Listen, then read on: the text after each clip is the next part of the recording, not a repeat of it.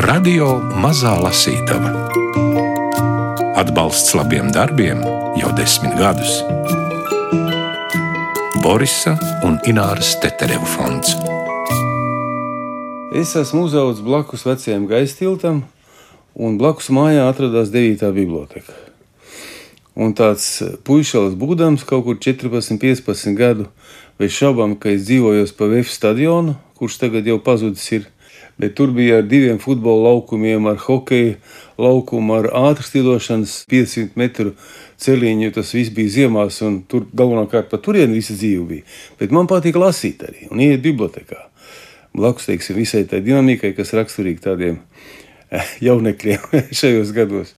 Klausīties Pētera Pildegoviča stāstus ir tikpat interesanti un piesātināti, kā lasīt viņa grāmatu Manas Ķīnas stāsts, kura balstīta dienas grāmatās.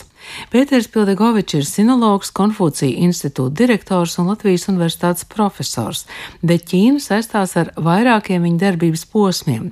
Viens ir diplomātiskais darbs, tad darbs Ķīņhua aģentūrā, visbeidzot ceļojumu pa Ķīnu. Tā nu Gunārs Aboliņš lasa pavisam īsus fragmentus no grāmatas, bet Pēters Pildegovičs stāsta. Un tad es pirmo reizi ieraudzīju, varēja būt kādā 56. gadā. Krievu valodā tas žurnāls bija, viņš saucās Kitai, un tad šajā žurnālā es par to arī rakstu. Es ieraugu noslēpumainas, skaistas zīmes. Un e, patiesībā ir kaut kāds, teiksim, tāds klikšķis, kā Latvijas saka, ja? Un pēc tam sāku ar vien vairāk lasīt par Ķīnu. Un tad uh, pienāk tas brīdis, kad pēc piecu dienu brauciena pa milzīgo Krieviju es nonāku ziemeļos un skatos uz pasauli trīs gadus caur kazarmas logu. Manās rokās nonāk tāda grāmatiņa Maskavas Universitāte, un Maskavas Universitātes tajā stāstā ir stāsts par Austrumu valodu institūtu kas ir ar savu rektoru, tāda ļoti īpatnēta pakļautība Maskavas universitāte, bet savs rektors ir Austrumvalodu institūtā. Un tad tur arī ļoti smalki viss ir pateikts, ko māca un kādas valodas un tam līdzīgi. Un eh, nāca pie secinājuma, ka būtu labi iestāties šī mācību iestādē. Atsakot, tas sapnis īstenojās un sākās studijas. 1999. gada 27. novembris. Mūsu vizītes pirmajā dienā Šanhajā stipri līst. Vakarā skatāmies lielisku ķīniešu cirku. Nākamā diena, 28. novembris. Neaizmirstams Šanhajā vakara sardzes zvaniņš, kas visiem atgādina nodrošināties pret uguns nelaimi. Arī lupatu, makulatūras un pudeļu vācēju zvaniņš. Pilsētā, kas var sacensties ar citām pasaules lielpilsētām. Raksturīga ir Šanhajas vertikālā dominante, vērojama pat dzīvojamos rajonos. Stundas lidojums un jau esam Fudžou, Fudziaņas provinces administratīvajā centrā. Šī Ķīnas piekrastes province ir viena no bagātākajām Ķīnā ar lielu izceļotāju skaitu uz citām valstīm. Atskatoties Fudžou vēsturē, ir zināms, ka šo pilsētu apmeklējis Marko Polo. Cits interesants fakts Laikā no 1405. līdz 1433. gadam no Fudžou septiņās ekspedīcijās uz Indijas okeānu devies slavenākais ķīniešu jūras braucējs Džen He. Braucot no lidostas uz pilsētu, atklājas zaļojošas palmas, novākti rīsa lauki, ugunskura pēdas liecina, ka dedzināti kukurūzas stublāji, divu un trīs stāvu kotedžas pie pilsētām jau klāt jūras krasts ar sirmiem viļņiem, tālāk līcīšos neliela kuģīša uz grunts, nu, ir bēgums un ūdens aizplūdis. Fūdžou cilvēki sveicina budistu manierē, uz krūtīm sakļautām plaukstām. Pilsētā silti un var staigāt uzvalkā. Ap pulksten deviņiem no rīta sākas Latvijas uzņēmēja sarunas ar ķīniešu kolēģiem. Aptuveni divu stundu garumā notiek aktīva domu apmaiņa, kas katram diskusijas dalībniekam ļauj iepazīstināt klātesošos ar savu piedāvājumu.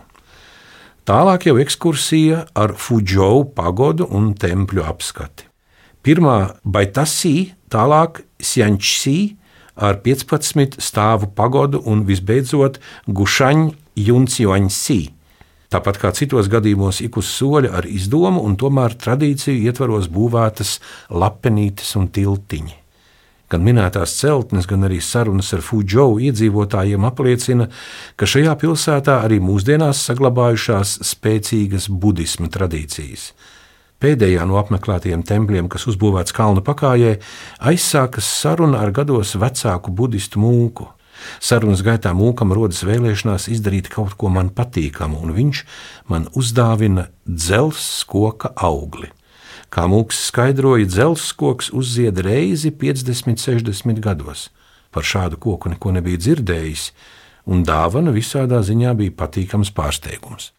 Manā dzīvē ienāk Galina, apprecējamies, un viņa pat bija no tāliem austrumiem. Un tagad, eh, kad 70. Eh, gadā jau bija saucamā sadali, tad es brīvprātīgi es saku, ka es izvēlos strādāt tālāk Austrumu Universitātē Vladivostokā. Un uh, mani tur pārjautāja, tāpēc, ka uh, tomēr man Maskava ir viena lieta, un, un Vladivostok ir samērā, samērā tālu, patiesībā pilnīgi otrā galā tajā milzīgajā valstī. Tomēr, tas sakot, es paliku pie šāda lēmuma. Un patiesībā bija šausmīgi interesanti desmit gadi, jo Vladivostoka ir atvērta pilsēta pasaulē. Patiesībā tas ir Krievijas impērijas lokus uz Āziju. Viņa bija brīvā pilsēta, tāpat kā Odesa, Porto Franko impērijas laikā. PSRS laikā bez šaubām, ka viņa vairāk bija slēgta, bet vienalga viņa ir eh, ar milzīgu enerģētiku. Jo sopkas nāk līdz okeānam, un tad es teikšu tā, ka es negribu aizskārt Baltijas jūru, bet saprotiet, Baltijas jūru nevar salīdzināt ar okeānu. Tas ir pilnīgi dažādas lietas, saprotiet. Un visas tās stihijas viņas nāk kopā. Un eh, vēl es gribētu teikt, ka ir ārkārtīgi patīkami cilvēki. Jo Sibīrijas, jeb tālu austrumu cilvēki ir ļoti atvērti, ļoti vienkārši un ar tādu, ziniet, plašu dvēseli. Piemēram, ja kaut kur tālumā tu izbrauc pīrus novadā ar automobili, ja tu brauc, ja tu apstāsies, brau, garām braucošais, katrs apstāsies un prasīs, vai nevajag palīdzēt kaut ko. Saprotiet, nu, apmēram tādā veidā tas ir. Var palīdzēt ar benzīnu, pilnīgi uzreiz. Un, jo tur gadās tā, ka nav kur uzpildīties. Saprotiet. Nu, un eh, es pasniedzu ķīniešu valodu, un tad nāca patiesībā arī ārkārtīgi interesants tāds dzīves posms pārtrūka attiecības starp Padomju Savienību un Ķīnu. Ķīnā sākās kultūras revolūcija, un PSRS sinologi, vai nu tie, kas tikai mācās valodu, vai tie, kas jau zina valodu, viņiem nebija iespēja atbraukt uz Ķīnu. Ķīna nepieņēma vienkārši. Tāpat tās kā PSRS nepieņēma ķīniešu studentus, kas mācījās tūkstošiem, mācījās pirms tam, pirms 65. gada tas ir. Un tad tāds rezervs it kā ceļš bija Singapūra, un es nonāku Singapūrā Naņēnas universitātē. Nu, padomu laikā tas bija kaut kas tāds pilnīgi, saprotiet, nevar, nevar izdomāt, ka tā, tā var notikt. Pie kam tajā laikā bija tā, ka no Vladivostovas bija jālido uz Maskavu, no Maskavas caur Dēlī, caur Indiju uz Singapūru, un pēc tam tieši tādā pat veidā atpakaļ, jo tas viss bija PSRS tomēr vēl periods. Un patiesībā tas gads ļāva sākt runāt brīvi valodā, tātad, nu, sarunu valoda, viņi, protams, atvērās vienkārši. Valodas situācija ir tāda, ka eh, ķīniešu kopiena ir apmēram 76% tajā valstī. Tā tad eh, lielākā daļa. Bet viņi runā dialektos. Bet savukārt universitātē, universitātē pasniedz to valodu, ko runā Ķīnas Tautas Republikā. Tā ir eh, visiem saprotama sarunu valoda, puthunhua. Ķīniešu valodā viņa saucās. Nu, un tad, protams, kad es atgriezos atpakaļ, tad jau es biju īstenībā to skolotāju skaitā, kas varēja brīvi runāt un brīvi tas sekot pāriet no uz krievu valodu, no krievu valodas atpakaļ uz ķīniešu valodu un tam līdzīgi. Un tad es vadīju vairākas reizes uz PSRS un Ķīnas robežas valodas praksi, ķīniešu valodas praksi studentiem. Tālāk, Austrumu universitātes. Nepārbraucot robežu. Nē, nē, nē, Krievijas pusē. Krievijas pusē, jā. jā. Ir tāda vietiņa, kas saucās Gradekova vai Pagraničnē. Sakot, un tad tur būtībā Ķīnas robeža ir ārkārtīgi tuvu. Līgums bija starp Tālo Austrumu universitāti un Harbīnas valodu universitāti, ka ķīniešu dzelzceļnieki, kad ierodās PSRS pusē, brīvajā laikā viņi var runāt ar studentiem. Studenti praktizējās valodas praksē. Tieši tas pats notika ar PSRS dzelzceļniekiem Harbinā. Ja viņi atbrauc uz Harbinu, tad ķīniešu studenti, kas mācās krievu valodu, ar viņiem runā krievu valodā. Un, uh, tas arī bija ārkārtīgi vērtīgi, tāpēc, ka tas viss aktivizēja valodu. Tad mēs arī lasījām, uh, laikrakstu lasījām, tulkojām laikrakstu, un šādā veidā tas, sako, tas viss notika. Un aizskrēja, aizskrēja desmit gadi, Un tad patiesībā pienāca tāds ļoti skumjš brīdis, kad, kā saka, noslēdzās mana tēva dzīve. Un tad māte teica, ka nu, jābeidz viss tā Odiseja. Un es biju 17 gadus projām no Latvijas. Es ļoti ilgi bijis projām. Un pēc tam strādājot ārlietu ministrijā un tagad strādājot universitātē, kopā es bijis vairāk par 25 gadiem prom no Latvijas. 2000. gada 24. aprīlis. Septiņos no rīta izbraucam uz imperatora Čiņa Šihuandī kapenēm. Šoreiz uz šo unikālo vēstures objektu braucam savā auto, un mums aiz mugurē ir viss ceļš no Beidzinas līdz Sjāņai. Savukārt mans pirmais Sijāņas apmeklējums notika 1989. gada janvārī, kad stažējos Fudaņas Universitātē un Sijāņā ieradāmies trietā ar broņu no Polijas un korejieti no ASV. Cenšamies ieskatīties karakalpu vaipstos. Pārsteidz tas, ka katram karakalpam ir atšķirīga sejas izteiksme un sejas vaipsti. Nav grūti atšķirt, ka karakalpi varēja būt dažādu cilšu pārstāvi. Viss, kas ieraugams šajā neticamajā ainā, pārsteidz ar tādām smalkām niansēm kā apģērbs, apavi, matu sakārtojums, ieroči. Protams, arī karakalpu skaits. Imperatora sargi savas vietas pazemē ieņēma vairāk nekā pirms diviem tūkstošiem gadu, un šis komplekss nejauši tika atklāts 20. gadsimta 70. gados. Šis atklājums pasaules apziņā ienāca kā sensācija. Tagad tas ir vispār zināms fakts, un turisti no visas pasaules cenšas šāda apmeklējuma iespēju nepalaist garām. Kapenes tika celtas imperatoram, kas nāk pasaulē tikai vienu reizi tūkstošu gados, un tas ir izcils pasaules kultūras mantojuma piemineklis. Kad jaunais imperators kāpa tronī, viņam bija 13 gadu. Līdz 21 gada sasniegšanai valsti pārvaldīja padomnieks. 221. gadā pirms mūsu ēras viņš iecēla sevi par Patebešu impērijas pirmo imperatoru Cīņu Šihuandī. Viņam izdevās pārtraukt iekšējos karus un pirmo reizi Ķīnas vēsturē izveidot centralizētu valsti. Cīņa Šihuandī valdīšanas laikā tika unificēta hieroglifu rakstība, ieviesta naudas, kā arī mēru un svaru sistēma, sākta lielā mūra celtniecība un izveidots vienots valsts ceļu tīkls. Cīņa Šihuandī veikumam bija milzu ietekme uz visu nākamo dinastiju dzīvi. Tomēr pat tik īsā izklāstā nav iespējams nepieminēt arī citus cīņa Šihuandī darbus. Šis imperators iegājis vēsturē arī kā nežēlīgs konfūcisma ideju apkarotājs. Pat vēl vairāk, Cīņa Šihuandī lika sadedzināt konfūcisma grāmatas un konfūcisma ideju sakotājus dzīvus, aprakt bedrēs. Un te ir četri hieroglifi. Šie četri hieroglifi arī raksturo minētā imperatora neiecietību pret lielā skolotāja, un te ir vēl daži hieroglifi, mācību un šīs mācības sakotājiem. Drīz pēc nākšanas pie varas viņš uzsāka mauzoleja celtniecību. Terakotas armija aizsargā kapenes no austrumu puses, kas bija vienīgais virziens, no kura ienaidnieks varēja apdraudēt Sjāņu. Varenais imperators nevarēja samierināties ar vientulību pēc dzīves noslēguma. Viņa grandiozajās kapenēs atklāti vairāk par 600 apbedījumu, kas tika veikti vienlaicīgi ar imperatora apbedīšanu terakotas armija un kavalērija tika izveidotas visās detaļās atbilstoši īstajai armijai un pilnībā atbilda cīņu impērijas tradīcijai. Kapeņa kompleksa centrālā ēka bija pazemes pilsēta, kas nav atsakta līdz šim laikam. Pilsētas griezti izveidoti astronomiska atlanta veidā, kas inkrustēts ar dārgiem akmeņiem. Uz grīdas attēlota upju, ezeru un jūru karte, kas imitē pastāvīgā kustībā esošu dzīvesudrabu.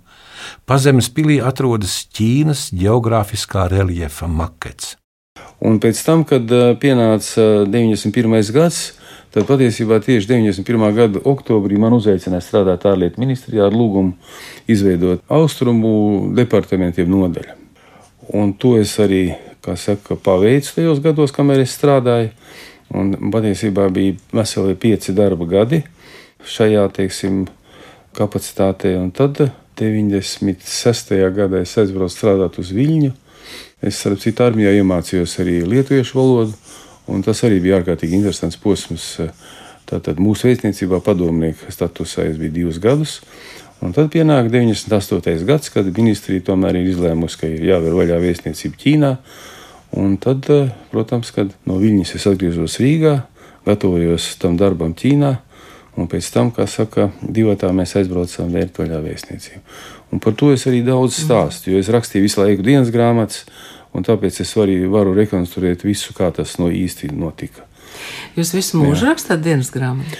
Es rakstu kopš man mamma aizgāja. Mamma aizgāja 81. gadā, un kaut kāds bija tāds arī, ziniet, es nezinu, kaut kā es domāju, ka tagad vajadzētu varbūt, kad, nu, pierakstīt, kā viss notiek. Un raksta arī šodien, tā visu laiku tas, sako, tas viss notiek. Un bija kam ļoti daudz ir bijis dažādi braucieni, jo patiesībā jau tas, ko es jums izstāstīju, tie ir bezgalīgie tāllidojumi. Tas bija Tālija austrumi, pēc tam bija Ķīna un Singapūra, un tad ir atkal Ķīna, un tā Ķīna bija arī tagad, strādājot Latvijas universitātē. Es kopš 11. gada vadu Konfūcija institūtu, nākošo gadu būs desmit gadi, kopš es ar to nodarbojos. Un tad arī tie braucieni bija uz Ķīnu, kur notika Vispasaules konfūcija institūta sajieti. 2002. gada 8. jūnijas. Par nodomu sākt darbu pie vārnīcas sastādīšanas abi ar dzīves biedri Gaļinu esam runājuši daudzkārt. Pirmajā darba dienas pusē, kamēr tulki tulko, es varētu palēnām sākt veidot lielās ķīniešu latviešu vārnīcas melnrakstu. Parasti tā bija aptuveni stunda, ko redaktori izmantoja pēc sava ieskata. Tad, lūk, 2002. gada 8. jūnijā sāku sastādīt savas pirmās vārnīcas lappuses.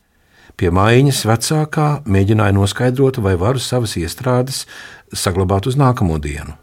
Notika kaut kas pavisam negaidīts tā īsti netika runāts par manas ieceres tiesīgumu, bet pilnīgi skaidri tika pateikts, ka nedrīkstu aģentūras datorā saglabāt paša sagatavotu tekstu, proti vārdnīcas iestrādes. Toties atļauts iestrādi izprintēt un nest uz mājām. Te arī mums abiem ar sievu nobrieda plāns, kā turpmāk strādāsim. Maiņas pirmajā stundā, kamēr tulki vēl tulko, es centīšos sastādīt kaut dažas vārnīcas melnraksta lapuses. Darbdienas beigās šīs lapuses izprintēšu un nesīšu uz mājām. Mājās Gaļina manis sagatavotās melnraksta lapuses pārrakstīs mājas datorā. Jau iepriekš esmu minējis, ka mana gaļīna ir beigusi Maskavas Universitātes Austrumu valodu institūtu, kur mācījās japāņu valodu, kuras rakstu valodā tiek izmantoti ķīniešu hieroglifi.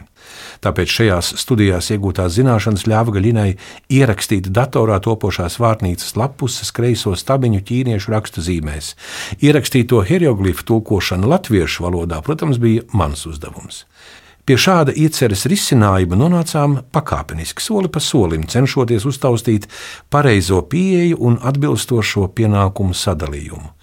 Pirmajā dienā sagatavoju trīs melnraksta lapuses, kreisajā stabiņā attiecīgā leksiskā vienība, hieroglifu pierakstā, otrajā stabiņā transkripcija un trešajā šīs leksiskās vienības tulkojums latviešu valodā. Ļoti interesants un iesaistošs pasākums. Jau pēc pirmajām lapusēm kļuva skaidrs, ka šī nodarbe turpmāk aizpildīs katru brīdi, kas būs brīvs no tiešajiem redaktoru pienākumiem. Aiz loga šļaukstošais lietus mūs nemanot pārnes sapņu pasaulē. Tas ceļš ir bijis ārkārtīgi interesants, ļoti piesātināts. Vienalga, kurā, kurā teiksim, kapacitāte ir. Es jau strādāju divus gadus arī žurnālistu darbā. Es esmu vienīgais cilvēks no Latvijas, kas strādāja Sīnko aģentūrā, pie kam es strādāju Krievu redakcijā. Jūs par to arī rakstāt? Jā, jā. tur bija tā, ka darba diena sākās. Tie tulki, kas ir aiz muguras, viņi nav pārtulkojuši vēl nevienu rakstu. Un ir kaut kāda stunda vai pusotra, kad var darīt, ko grib. Var lasīt, teiksim, grāmatu vai, vai žurnālu vai kaut ko tamlīdzīgu. Un es sāku likt kopā vārnīcu tajā laikā. Un patiesībā pirmās 700 lapus es arī izveidoju Ķīnā. Un pēc tam, atgriežoties jau Latvijā, es strādāju tālāk, un pavisam datorā bija 3000 lapus. Tas ir lielā vārnīca. Tā ir pirmā mums tāda īsta liela vārnīca, ķīniešu, latviešu vārnīca. Un tagad jau ir eh, pagājušo gadu mēs prezentējām, tad, kad grāmatas prezentācija notika 18. decembrī, tad notika arī lielās ķīniešu, latviešu vārnīcas elektroniskās versijas prezentācija jo elektroniskā versija tagad pieejama jaunatnē. Jaunatne negrib grāmatu ņemt rokā, kā mēs to zinām. un tad vienkārši izmanto kaut ko tamlīdzīgu. Ziniet, ir tā, ka patiesībā katram statusam ir kaut kas tāds īpašs, kas gandrīz vai nesaistās ar, teiksim, ar citu kapacitāti. Ja katrā ziņā tā diezgan tālu ir. Nu, protams, ka tāds ļoti prestižs darbs ir diplomāta darbs. Tā kā te ir teiksim, kaut kāds viens redzējums. Un tad bija ārkārtīgi interesanti. Trešā grāmatas daļa ir lielie ceļojumi. Un ar Šablovski arī mēs bijām kopā vienā braucienā, un arī tā sastādījām to braucienu. Mēs braucam pa Ķīnas svētkalniem. Un es pateikšu, ka tas ir atkal pilnīgi kaut kas cits. Tur ir it kā daudz brīvāk. Un tāpat laikā mēs paši nodrošinājām visu ceļojumu ar biļetēm un ar vispārējo. Protams, ka es to darīju, jo pārējie nevarēja tur Nu, runāt. bet bez valodas tas nav Jā, iespējams. bez valodas tas pilnīgi nav iespējams. Un tādā ziņā arī tas bija ļoti interesanti. Darba raksturs vai vienā, vai otrā, vai trešā gadījumā viņš vienmēr ir, ir mazliet savādāks, bet arī tajā pat laikā interesants. Un tad es pēc iespējas centos arī varbūt, kad iepazīstināt ar kaut vai ar, teiksim, galvaspilsētu. Es pirmo reizi mēģinu ieviest vārdu, kā tiek izrunāta galvaspilsēta. Jo galvaspilsēta nav Pekīna un nav Beidžina, kā, teiksim, angļu izrunā, briti izrunā. Tas nav pareizi. Bet viņi ir Beidžina. Un, ja ir Beidžina, tad ir. Un tagad pēdējā laikā arī vēstniecība bieži vien uzstāja, ka būtu jāizrunā pareizi tie vietvārdi. Nu, es nezinu, vai sekotāji man būs vai nebūs, bet nu, katrā ziņā šādu teiksim, es ceļu es, esmu mēģinājis. Un, Gan Ķīnas pētniekiem, gan valodas pratējiem, gan tiem, kuriem Ķīnas kultūra vēl atklājama, Pētera Pildegoviča grāmata Mans Ķīnas stāsts varētu būt interesants sabiedrotais, izdevis Latvijas Universitātes akadēmiskais apgāds. To lasot, gribētu vēlreiz būt Ķīnā, kaut gan pašlaik, protams, nav zināms, kad šī valsts atkal būs atvērta. Ingvilda Strautmane, Latvijas radio. Radio Mazā Lasītava. Atbalsts labiem darbiem jau desmit gadus. Borisa un Ināras Teterevu fonds.